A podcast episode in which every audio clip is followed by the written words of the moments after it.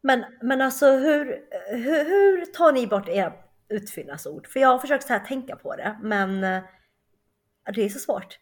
Jag har gått presentationsteknik när jag jobbade som arkitekt, eller jag jobbar fortfarande som arkitekt, men då så övade vi väldigt mycket på att prata utan utfyllnadsord. Det svåra med det är till exempel bara att börja en mening utan att säga eh, eller alltså förresten, sådana grejer. Jag känner mig så himla blåst på svenska. För jag pratar, nej men alltså det är ju liksom inte riktigt, alltså jag känner mig liksom inte så här. Det har oftast med att man letar efter ord. Och det Exakt. är absolut mycket svårare om man inte har pratat eh, det språket på ett tag. Mm. Understandable. Men Exakt. det betyder ju bara att du kommer bli bättre på det genom att vi kör det här. Fan det kommer låta smartare och smartare. podcast, podcast but also learning Swedish.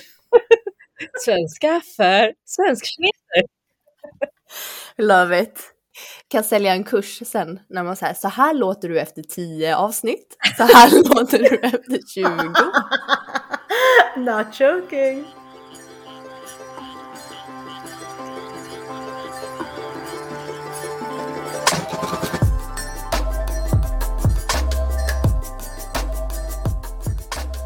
Vad tycker ni jag ska göra med min bröllopsklänning? Behåll. Fast alltså du kommer inte använda den igen. Eller? När är Nej, jag. Jag menade inte på det sättet. Oh my din god. bröllopsklänning är ju ändå så pass, alltså den är en jättevacker bröllopsklänning men du skulle ju kunna ha den på så här ett kostymparty utan att den känns väldigt bröllopsklänning. Det är en vit vacker klänning. Mm. Det är sant. Nej, precis. Det är ingen bakelse. Men eh, jag hade en kompis som föreslog att jag skulle färga den. Nej. Vågar man det? Mm, ja. Beskriv vilken, alltså jag tycker de här är ganska coola de, de modevisningar som varit nu när de har ställt en modell på ett treadmill typ och så har de snurrat runt dem och så har de sprutat färg på dem. Uh, that sounds horrible. Ja men det, det var någon sån här, det är ju en art installation då. Men det blev skitcoolt. Så något sånt, om man får kasta typ en vattenballong med Kleinblå färg i. Åh gud, mitt hjärta spricker. Men vilken färg um, tänkte du på i så fall? Jag vet inte. Men, eh, men min bröllopsklänning är ju vit, som är den Mm. traditionella svenska bröllopsfärgen, eller klänningsfärgen. Men det var faktiskt inte helt självklart för mig, för att vi planerade ändå ett bröllop med vissa kinesiska inslag. Mm. Och vit färg är ju verkligen alltså traditionellt kinesisk sorgefärg. Mm. Mm. Alltså det, det går liksom inte komma undan det på något sätt. Mm. eh, att det är en sorgefärg. Så att, så att det var inte helt självklart att det skulle vara en vit klänning. Men det blev det ändå för att vi trots allt är i Sverige. Ja, alltså det är ju den färgen alla har på sig för begravningar. Ja, är det? Jag har nog Ja. aldrig sett det. Traditionellt är det att man har på sig vita kläder och sen så något så här Vitt band va? vitt band Mm. men också en ganska stor vit huva eh, när, de, när de har begravningar och så. Mhm. För det var ju lite skräcken att jag skulle skicka hem, skicka bröllopsbilder till släkten och de bara What's the occasion? Fast alltså nu har ju Kina kommit till den åldern där det är ganska modernt att ha vita bröllopsklänningar eh, i Kina också för det är västerländsk kultur. That's true. Men har man inte alltid en traditionell typ röd klänning först? Jo, Och så, Mm. man. så man skulle aldrig ha bara en vit klänning. nej, inte i Kina tror jag. Nej. Vi, hade ju, vi valde ju att ha vissa röda inslag som ju är lyckans färg. Mm. Det var ju en liten hommage till vårt motherland. Men eh, jag frågade faktiskt pappa, så här, är det något annat vi behöver tänka på inför bröllopet som är så här bad luck, good luck, must do, not do. Men jag tror inte att han ville avslöja för mycket så att vi inte skulle ha så mycket att eh, känna oss så begränsade. Nej men jag gillade verkligen att ni tänkte igenom på alla små detaljerna för ett bröllop. Till exempel att ni inte hade nummer fyra som bord. Mhm. Det var ju väldigt mycket wow, they really thought about it. Och för nummer fyra, alltså si, symboliserar död. Mm. Och det är väl mest bara för att det låter likadant. Exakt, för att eh, fyra låt, eh, heter ju S och död heter S. Mm. Våningen finns ju inte ens i eh, bostadshus väl? Exakt, vilket är ganska jobbigt när man försöker räkna ut vilken våning man faktiskt bor på. För vi bodde ju på 29 våningen i Shanghai, eh, men då hade de tagit bort eh, 4, 24 och, och 14. Så det var så här, men eh, vilken våning bor vi nu egentligen på? Men varför behövde ni veta det? Nej men det är ganska kul att veta för att jag tror vi jämförde med vår kompis eh, vem som bodde högst. Okej. Men inga andra siffror som är, alltså alla andra siffror är ju good. Ja, Åtta är ju väldigt bra Mm, jag vet. som lyckotecknet. Men åtta, alltså ba, rimmar Ja. ju med fa. ja. Yes, Så att ba, ba, da, fa. åtta är lika med välstånd. Ja, exakt. Det är väldigt bra när man är född 88 som både är välstånd och drakens år, som jag då är. Wow. We know, Way to so. go to put in some bragging in there. Humble brag. Men vårt eh, Fanny, nio är inte heller så dåligt. Jag Men tror jo, alltså det betyder typ... ehm, Alkohol. Så vadå, vi är född på alkoholistens år? Och ormen. ormen är ju bara, det betyder ju bara att vi har mindervärdeskomplex. Nej men de säger att ormen är svansen på draken. Ja, okej, säger man det verkligen? Ja, tror men, men Ah. mamma sa det för att hon är drake så hon har ju kallat mig sin lilla svans sen jag var liten. Men jag har för mig att ormen är så här att den är two-faced, att den har två ändar liksom. Det där är väl mer västerländskt än kinesiskt tänker jag. Du menar att, du menar att ormar i Kina ser lite annorlunda ut? Nej, men att, att man kanske inte är lika snaky liksom. Att man kanske är mer vis än two-faced. Jag tycker också orm har en bra connotation i Kina. Och vi, vi säger så. Ja, precis. Men apropå siffror, jag eh, bytte telefonnummer ganska nyligen. Och alltså jag öppnade en dörr jag aldrig skulle ha öppnat. För jag skickade förslag till pappa. Åh nej. Alltså don't do that om man vill göra det på ett enkelt sätt. Jag bara, men, ehm, men det här då? Han bara, nej, absolut inte. det var inte ens någon fyra i, men det kanske var lite mycket nollor. Alltså det var inte, han tyckte inte det var ett bra flow i numret. Mm. Så jag höll på sådär och jag gick igenom flera operatörer för att det tog ju slut på nummer. Till, Oh, wow. Tills min pappa var, han bara, men det här, det här är ju bra. Men, men vilket nummer landade han på? Jag tänker inte säga det i den här podden. Jag visste inte att man kunde liksom eh, be om flera varianter av nummer som man kan välja på. jo, det kan man. Jaha, okej. Mm. De caterar till den kinesiska kundkretsen. Men eh, på tal om bröllop, för att vi eh, planerar på att gifta oss nästa år. Um, vi har ju visserligen skjutit upp bröllopet eh, två år redan på grund av corona. Eh, och nu funderar vi på att eh, flytta upp det igen. Men mamma ringde ju i helt panik och sa att nästa år var änkåret. Eh, vilket innebär att de som gifter sig nästa år, att mannen kommer dö först eller tidigt så att kvinnorna blir änkor. Så alla hennes familjekompisar har tydligen försökt pusha sina bröllop till slutet på året.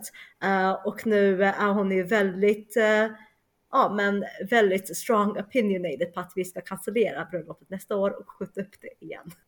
Okej, har alla hört talas om det. Hur ofta kommer det? Varför kommer det? Vad är det som föranleder? Alltså jag har ingen aning. Hon sa det, du bara okej. Men det är väl typ samma sak som jag tänker typ folk vill ju få barn i ett visst år. Till exempel, jag tror typ 2000 någonting så var det, eh, så var det guldgrisen. Och då ville Mm. alla ha små guldgrisar. Så det här är väl typ änkåret. Vad är det för kinesisk zodiac nästa år? Bra fråga. Den enda bad zodiac som jag känner till är väl eh, fåret. Det finns olika.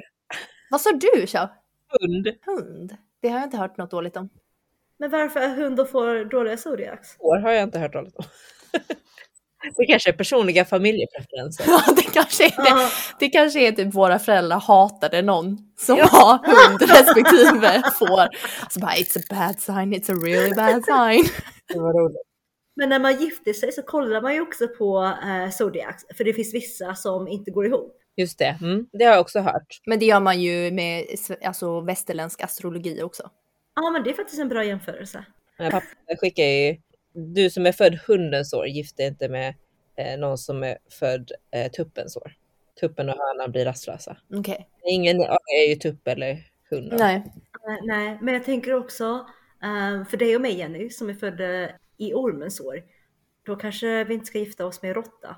För att, eh, nej men för att eh, ormar äter ju råttor. Men fan. hur, mycket, hur mycket sånt ska vi gå in på? Drakar, finns de ens? Nej. Men det där låter väl ändå logiskt? Och jag och Ivar är två ormar så vi är ju verkligen two-faced. Mm. No you're four-faced. Riktigt weird. Riktigt weird. Oh my god. Men alltså älskar såna här kinesiska vidskepelser. Och att man typ aldrig, i alla fall när man var yngre, aldrig frågade varför. Nej.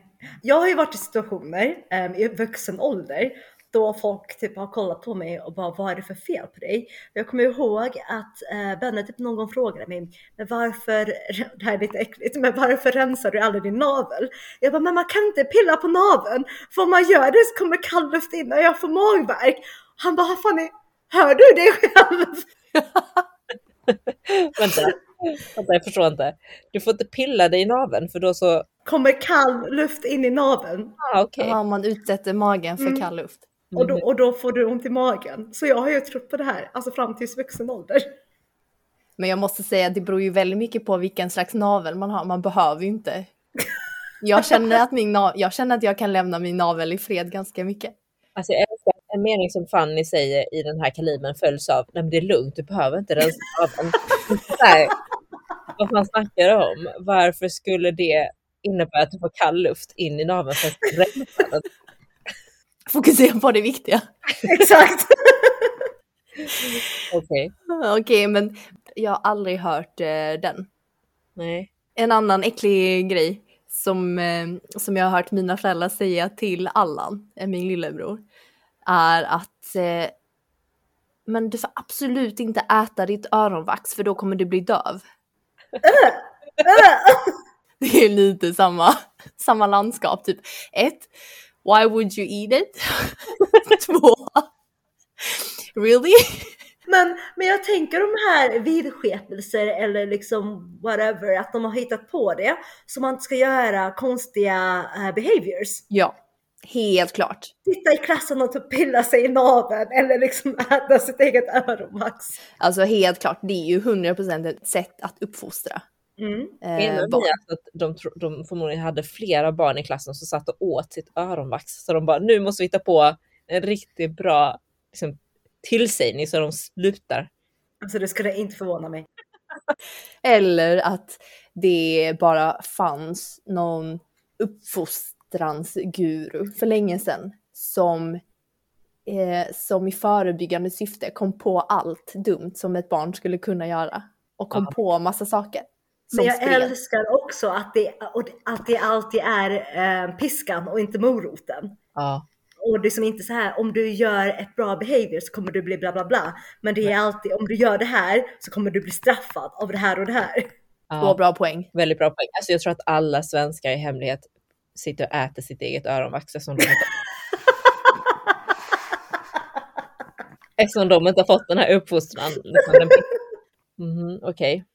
Någonting som jag också alltid blir tillsagd är att eh, jag alltid ska dricka varmt vatten, speciellt när man har mens. Så ska man Mm. inte röra några, alltså några kalla saker eller äta något kallt. Good luck, bor i Sverige. I know, I know. Uh, men alltså, jag har ju haft väldigt mycket problem med min mens. Um, alltså genomgående. Mensvärk och mått dåligt. Och när jag var på, jag besökte faktiskt um, en traditional Chinese medicine doctor eh, i Kina. Och då sa de att jag hade haft för mycket kallt i min kropp. Eh, så att jag definitivt inte fick röra kalla saker. Eh, och eh, började inkorporera det när jag var liksom, ja men i, så här, när jag var i början på eh, 20-årsåldern. Eh, och fram tills idag så gör jag det fortfarande. Och jag mår faktiskt bättre eh, under min mens av att ha eh, varmvatten, eh, eh, kuddar, dricka ingefäravatten som gör dig varm eh, och inte äta glass eller typ kalla saker. Här ska vi kanske lägga in en disclaimer att vi inte är en medicinsk podd. Don't try this at home without Chinese parents. Mm, men jag har väldigt mycket kring den här värmen också. Mamma Mm. säger ju Hanjin Ruchi, vilket betyder håll dina fötter varma så löser sig alla dina problem i livet, typ. Mhm. Och alltid ifall hon ser att eh, våra barn eh, går barfota, då säger hon det är därför de blir sjuka så ofta på förskolan. Att Hens varför jag alltid har med mig tofflor och på mig tofflor. Mm. Så att det, den har jag fått höra också mycket, mycket med det här med värme, att man ska framförallt hålla fötterna varma. Mm. Mm. Vad tråkigt, det var ju det som behövdes under covid-pandemin. Folk var barfota för mycket, apparently. När jag har fått höra sådana här saker så känns det ganska, alltså det är så binärt. Så antingen gör du så här Mm. så blir det så här. Eller så gör du inte det och då kommer du få motsatt effekt. Ja. För att det är, så, det är så extremt på ett sätt. Men då tänker man, men om alla kineser har följt de här, då skulle de ju ha levt i hundra miljoner år. De, nej, men de skulle liksom, de skulle ju varit kärnfriska och, men det är så roligt. Man måste ju tro på någonting. Ja, jag tänker att det är som religion. Alltså religion funkar ju väldigt mycket på samma sätt. Att det är så här, du ska göra på ett visst sätt och gör du inte det så går allt åt skogen. Och eftersom de eh, då har tagit bort allt som har med den typen av saker att göra så måste de ha sina sådana här andra vidskepelser. Verkligen. Eh, Vi har ju också en som är då lokal från eh, Hubei där jag kommer ifrån, där man säger eh, Lobo Shanghai, Yoden Bukai. På, jag kan inte den dialekten på riktigt, men om man säger det på um, svenska så betyder det rättiga, så det är inte ens morot, men rättiga går på stan så stänger, stänger apoteken för att äter man rättiga så håller man sig frisk. That's Okej. cute. Mm. That's cool. Det är, undrar om det är ett så här kinesiskt PR-maskineri. Bara, Oj, vi har så otroligt mycket rättiga det här året. Ja, alltså svenska motsvarigheten skulle vara typ ät potatissoppa. Så Exakt. jag frisk. Aldrig hört det här med potatissoppa, men jag har inte hört det med rättikan heller. Så att, Nej, men det finns inte en saying om potatis, men Xiao gjorde jämförelsen. ja, jag tänkte Att bara, det, vad har jag finns i, missat? att det finns i abundance liksom. Men apropå potatis, alltså ni vet ju hur mycket jag älskar chips. Mm. Mm. Eh, och det tror jag, Shanghua. exakt, Japp. det, det var exakt det jag skulle komma till. Jag tror när jag var yngre så jag har så mycket undantryckt chipsbegär från när jag var yngre för att jag fick äta ganska lite chips. Mm. Ehm, för att det är ett livsmedel eller liksom mat som får en att chancho. Alltså, Mm. hur skulle man översätta det? Få eld i kroppen skulle jag säga. Ja. Det är så här Alltså- yang. Det är som yang, alltså det som Fanny snackade om att hon har för mycket eld, hon har för mycket yang och sen så. Nej, jag har för mycket gin. Det har för mycket yin. Ja, ja. Mm. Så, så, så att för att ge folk lite kontext så delar ju man eh, nästan alla li- livsmedel eh, i yin eller yang. Så antingen så är de kalla, eh, till exempel typ gurka, skaldjur väldigt kallt, eller så är de varma, vilket är typ chips och, och så här eldiga saker. Um, Men det är också lite random för apelsin är till exempel kallt och clementin är varmt. Okej, det visste jag inte. Nej, inte jag heller. Men så är det. Men förlåt, förlåt. Finns det liksom en lista man kan hitta någonstans på Ja, allting? abs- absolut. Du skulle finns det? gå här och, och kategorisera. Men det som jag har levt med väldigt mycket det är att skaldjur är jättekallt. Eh, så det är därför man alltid ska äta ingefära med skaldjur. Så det är kanske därför man också har ingefära till sushi. Mhm. Ja. Hela jap- japanska matkulturen har det här Men att tacka. vänta, vänta, nu har jag cracked en så bra grej. Så du menar att när man har mens, eller när du har mens Fanny, då ska du äta massa chips? men, men choklad är ju också chancho så att alltså det är kanske det man gör i västerlandet utan att veta att man gör det. För man äter väldigt mycket choklad när man har mens. Ja, man. Alla gör det. Facts directly from Bridget Jones. Exakt. Men, men eh, ligger det någonting i att allt som föräldrar inte vill att barnen ska äta är chancho-mat? Men, men de säger det, eller min mamma säger när hon äter mycket choklad att det är chancho och det är därför hon får finnar. Ja. För det är eld som vill ta sig ur kroppen. Mm. det är sant. Det finns väldigt mycket eh, kroppsliga men som de förklarar med det här också. Mm. Eh, Mm. Även förkylningsblåsor och sånt. Exakt. Men eh, från en som aldrig har fått det förklarat från föräldrar utan bara accepterat läget. är det då att man ska se till att hålla en viss balans mellan det eldiga och det eh, Exakt. oeldiga? Eller ska man Absolut. bara undvika det eldiga överhuvudtaget? Jag tror det är en balans. Alltså för, för mig, jag är uppfostrad på det sättet att det eldiga får du alltid i dig ändå, för att det är allt som är gott i princip. Ha. Alltså så. Så att det man behöver jobba på är att få in tillräckligt mycket kallt. Så är jag uppfostrad. Så att i varje tillfälle där det finns så lägger mamma i så här lite gröna bönor eller liksom någon, ja, vad som helst, så här kalla grejer för att addera kyla. För att det varma får man ändå. Alltså jag har varit uppväxt att man ska ha en balans. Eh, som det är en kall dag eh, vid hösten så, så gör mamma mycket lammgrytor. För lamm är väldigt, väldigt eldigt. Eh, men om det är somrigt och supervarmt och vi är ute och solar, då gör hon en så här mung bean soup. eh, Mm. Som är väldigt eh, tyhå, vilket är att man tar bort det eldiga. Eh, Mm. så baserat på när det är seasonally så gör hon olika mat för det ska passa in i årstiden. Mm. Mhm, så det är liksom en overall balance, inte Exakt. bara en intern kroppslig balans. Exakt, exakt. Det är en hel vetenskap där. Det är en hel vetenskap och spe- speciellt nu när man har WeChat. Hon läser jättemycket artiklar. Det, men innan, jag menar svenskkineser, när de flyttade till Sverige, då hade de inte så mycket sources of information förutom typ CCTV som de installerade. Men nu när de har eh, kontakt med WeChat och typ miljontals konstiga artiklar så har ju min mamma blivit en kinesisk eh, self-proclaimed stjärnkock based on liksom Chinese medicine. Love it. Men jag tänker Shanghou, det finns ju någonting liknande i, i västerländsk, eh, västerländsk kultur, eller kultur, men man pratar ju också om antiinflammatoriskt och Mm. inflammatoriskt Mm. eh, när det kommer till mat. Mm, Ja. Absolut. Kan inte det vara något liknande då? Eh, jo, Mm. det låter, det är väldigt mycket samma, samma livsmedel, tänker jag.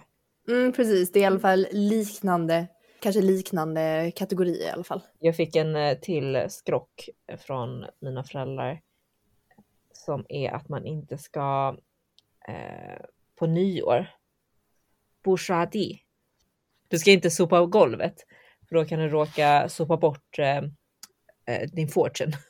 Oh wow, okej. För jag har en helt annan från mamma. Eh, hon, städ, hon storstädar ju varje nyår. Så att man ska få in, så man ska få in det nya och ta ut det gamla. Jaha, nej. Det kanske bara är min pappa som hatar att städa. Han bara, Love it. Genius. ja. Det känns som att mycket, mycket handlar om att behålla the fortune. Mm, Alltså man absolut. kan vända på det. Om man är en familj som älskar att ha en partner som, är liksom, om man älskar städa och har en partner som ogillar städa, då kan man ju bara hitta på. Bara Ja. älskling, om vi inte städar nu, då kommer all gammal skit vara kvar. In till det nya året. Väl, alltså det funkar ju för oss, men det funkar inte för kineser emellan. Fast det är ju perfekt för oss. Ja, exakt. Men jag gör det väldigt mycket. Typ såhär, Ja. but honey, like according to my tradition, la la la la la. Och han bara, uh, yesterday you said your Swedish tradition. Jag bara, but I have two. Ja, smart. Men jag tänker ändå att, att det stämmer överens väldigt mycket med så här feng shui och, eh, och allt det här. Ehm, för att det är också, alltså gud, nu märker jag ju att jag tror så himla mycket på allt det här. alltså, nej men för mina föräldrar tror väldigt mycket på feng shui. Ehm, och det har faktiskt varit så att eh, mina föräldrars största eh, rikedom kommer från, eh, från eh, house flips, eller fastighetsköp. Gud, jag var Eh. så nyfiken på vad du skulle säga här. Um, och, eh, och de brukar, de har ju så någon feng shui master eh, som har typ kollat upp varje, va- varje hus de köper. Eh, och det var någon gång de ville köpa en, ett ganska så här fint mansion ute på vischan. Uh, som en feng shui master bara absolut inte.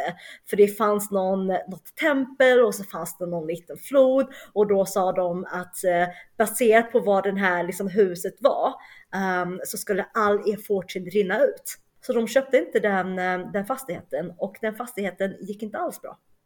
Mm. Uh, och också för jag jobbade ju på ett västerländskt företag i Shanghai. Uh, och då hade de en feng shui master som gick igenom hela vår, uh, hela vår building på fyra floors. Uh, för att sätta in lite så här men element som, som saknades. Så plötsligt så hade vår uh, president en liten uh, vind, vad heter de? Ja, ett vindspel. Ja exakt, ett vindspel och sen så typ något litet vattengrej vid hans bord. Och jag bara what the fuck? De bara, ah, men han har för mycket eld så att vinden måste komma så måste det balanseras ut med vatten. Så vi hade alltså den här feng shui-mastern som gick igenom varje år baserat på profiler. Skitjobbigt att ha ett vindspel Det är som wow. sån i butik man hör att någon kommer liksom. Exakt. Men eh, det minns jag så mycket från när vi var i Hongkong för att då har ju Bank of China sin eh, byggnad som är, eh, den har väl en eh, kant som är spetsig och den spetsen är riktad mot konkurrenten HSBC. Exakt. Mm. För att um, en, en riktning, jag tror det heter tång, att man, att man tar all energi och sen så riktar man den åt någon och det blir alldeles för mycket och man blir liksom, man targetar. Um, så att det är väldigt dåligt att bo när det är mycket, när det är mycket ehm, kanter mot dig grejen är att jag kan förstå det för att i, jag jobbar ju som arkitekt så att det här är ju liksom i min bransch, men jag använder mig väldigt lite av feng shui. Jag tycker det låter superintressant. Jag funderar på att gå en feng shui-kurs. För att man, eller jag blir liksom väldigt orolig i rum där det är väldigt mycket spets. Alltså det är ingenting som jag tycker är så behagligt. Mm. Eh, var det någonting som togs upp under er utbildning? Nej, inte ens. Jag pluggade ett år i Hongkong mm. i hopp om att jag skulle lära mig mycket kring hur man såg på arkitektur i Kina. Och till min besvikelse så lärde man bara ut exakt samma grejer som man lärde, lärde sig liksom i västländsk arkitekturhistoria. Man lärde sig bara om så här franska stora arkitekter som Osman och de här vanliga liksom. Då ska du få lära dig allt jag kan om arkitektur. Nej, ja. Jag har två grejer som är absoluta no-no i min familj. Mm. Och det är ytterdörren till ett hus får inte ha en motsvarande dörr på andra sidan. Mm. Ja. Och det handlar också om att behålla the good fortune. Ah, Exakt, så det ska gå igenom. Exakt, så att den inte ska mm. kunna blåsa igenom ett hus. Ja. Så pappa har faktiskt erkänt nu på senare dagar att det var anledningen till varför de valde att bygga ut ett, till ett uterum. Mm. För att de hade ju två stycken dörrar ganska liksom rakt emot. Så det var, det var en fix. Och det var, det var okej att det, det är okej att det är ett utrum som har en dörr, för den har ju också en dörr fast liksom mm. på sidan. Men då är dörrarna på sidan. Okej, okay, okay. det är okej. Mm. Så inte, inte liksom rakt emot varandra. Mm. Så so that's one. Uh, den andra är, och den här praktiserar jag inte eh, själv så hårt längre. Men det är att ja. sängar inte ska stå vid vägg som är en eh, eh yttervägg. Jaha! Okej, okay. hur kommer det sig? Alltså jag vet inte riktigt om det är en vidskepelse eller om det helt enkelt bara är från förr när husen inte var så stabila och man var rädd för mm. olyckor så att man yeah. inte ville att sängen skulle begravas om huset ah. rasade. De, de två sakerna som, som jag verkligen live by. Um, den ena är att man ska ha några speglar framför sängen uh, och det är för att man när man är nyvaken och man kanske vaknar under natten, um, att man ska se i spegeln att någon är där för man inte reagerar på att det är en själv. Um, men, det, men det har hänt mig. Jag kollade på The Ring när jag var liten och var alltså jätterädd och skulle på toaletten uh, och tände inte lampan och fick en hjärtattack när jag såg en långhårig, eh, eller så här lång och svarthårig person på andra sidan som var en spegel och det var mig själv. Eh, men jag blev ju jätterädd så jag fattar ju varför. Ja. Jag vet inte riktigt vad jag ska säga om vadå, om, om du är nyvaken och du, du vet så här ibland när man är mitt i drömmen och man vet inte riktigt var man är och man är helt så här okoordinerad och man ser på andra sidan att det är någon. Då är ens första reaktion holy shit, vem är i mitt rum?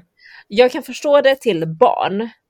Men som vuxen, vi har speglar, liksom spegeldörrar. Jag har aldrig upplevt att jag undrar vem är det som är i mitt sovrum. För jag vet ju att det är en spegel. där.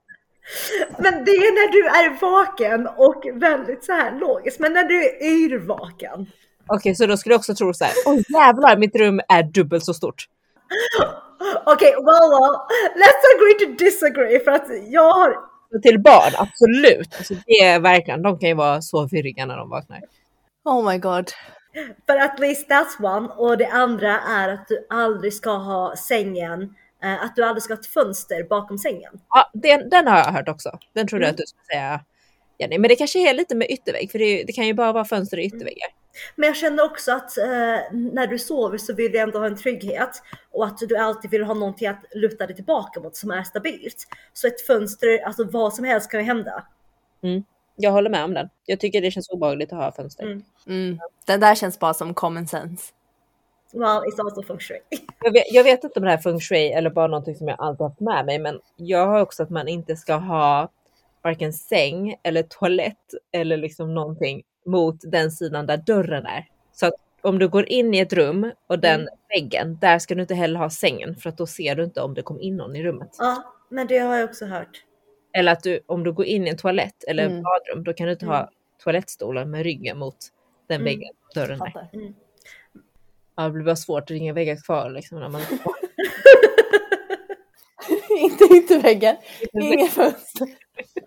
Och också att man ska ha toaletten eh, i samma, i motsatt håll till sängen. Jaha. Mm. I samma rum. Nej men alltså, men många har ju en master bathroom. Ja. Eh, då säger de att man inte ska ha liksom sängen och toaletten mitt emot varandra. Right. Att man inte blir så sugen på att massera sig när man ser sin partner sitta på toaletten. Varför är det här så kul? Kiss och bajshumor. Det är för att doften inte ska komma rakt ut. Nej men det, alltså jag, jag tror det är många av de här. Men om ni tänker efter, alltså mycket av feng shui är ju faktiskt bara common sense. Ja, det är jätteroligt.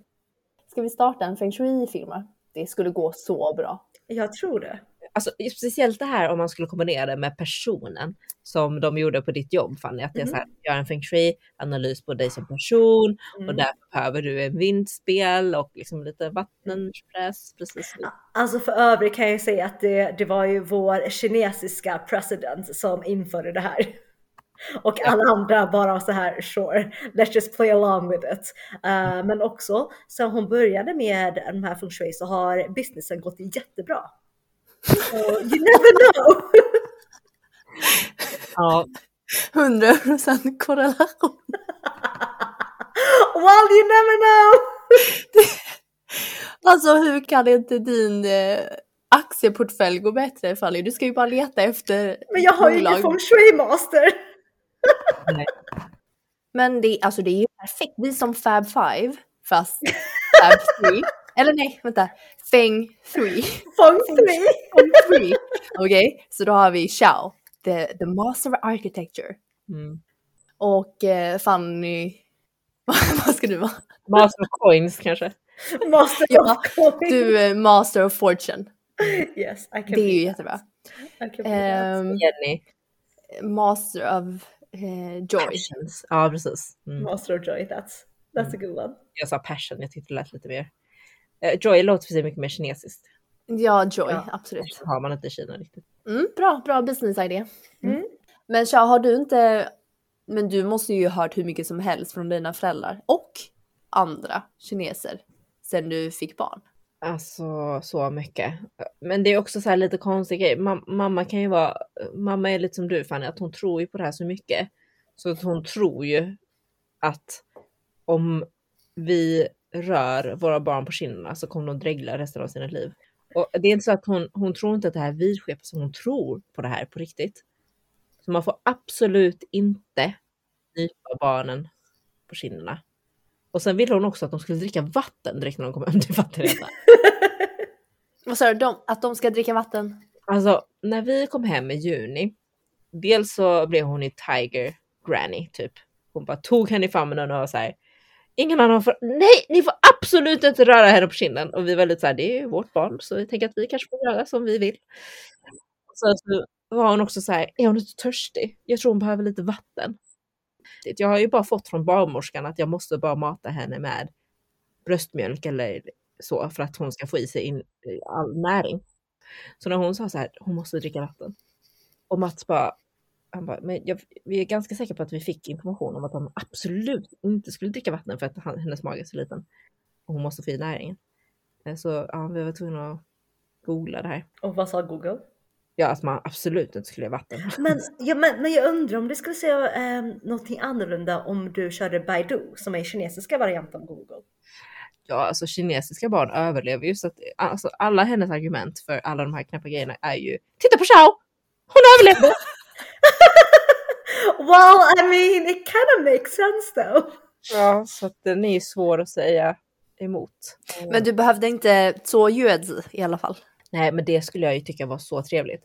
Alltså sitta, inst- sitta i karantän helt enkelt en månad som nyförlöst. Ja, den innebär också att du får hjälp med allt. Du ska inte laga mat, du ska inte Mm. handla, du ska Mm.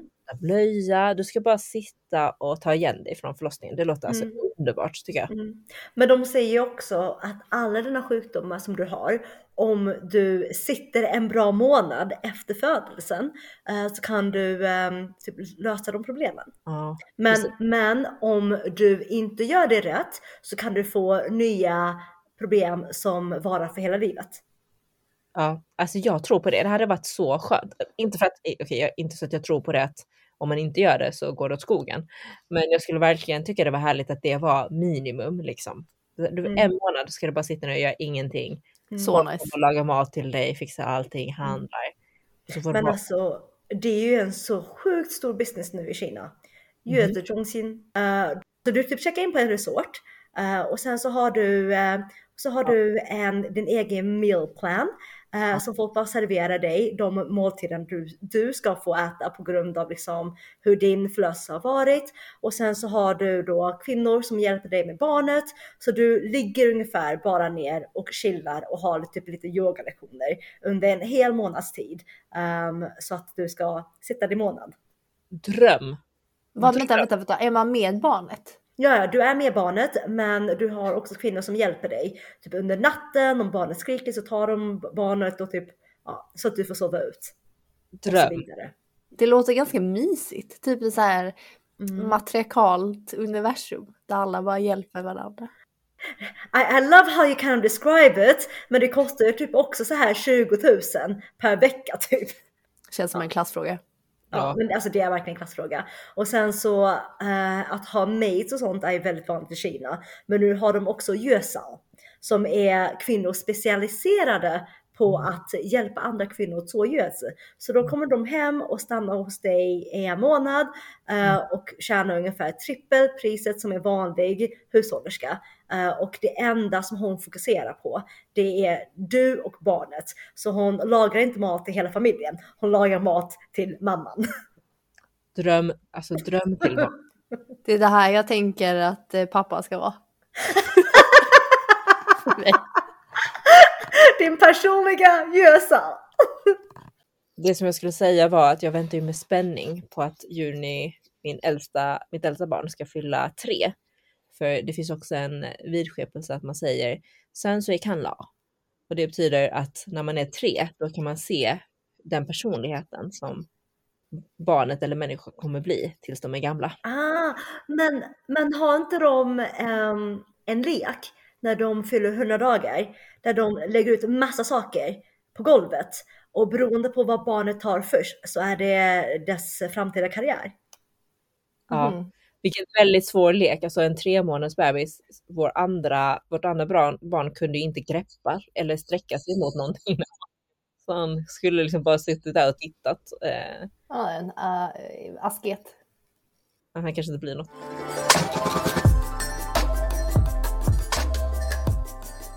Det finns ju lite vidskepelse i, Sverige också. Mm. Så det är bara fem stycken snabba och så får ni säga ja eller nej om ni tror på dem. Ja. Kul. Om ni tror på dem och om ni liksom live by them. Okej. Inga nycklar på bordet. Ja. Ja, alltså jag har, jag har gett Benne så mycket skit för att han alltid lägger nycklar på bordet. Har du aldrig hört den show? Jo, men jag, jag skulle aldrig... Nej, det är klart, man, var ska man annars lägga dem? Men typ i skåpet, man hänger Ja. upp dem. Nej, alltså ja, du, du, det är in- inte direkt på bordet. Men du kan ju lägga dem typ i en skål som står på bordet. Ja. Jaha, Då- Okej, det är då vet vi, jag Fan, då vet jag Fanny vad vi ska köpa till dig i julklapp. Mm. Mm. Nyckelskåp. Nyckelskåp. Okej. Spottar över axeln när ni ser en svart katt. Ja. alltså jag, jag inser ju att det är inte bara kinesiska vidskepelser. Jag är nog bara en vidskeplig människa. Alltså du ser en svart katt, då ställer du dig och spottar dig själv över Alltså, det är bara liksom, du vet, muscle memory. Okej, det sitter så djupt i Fanny. She's a last case.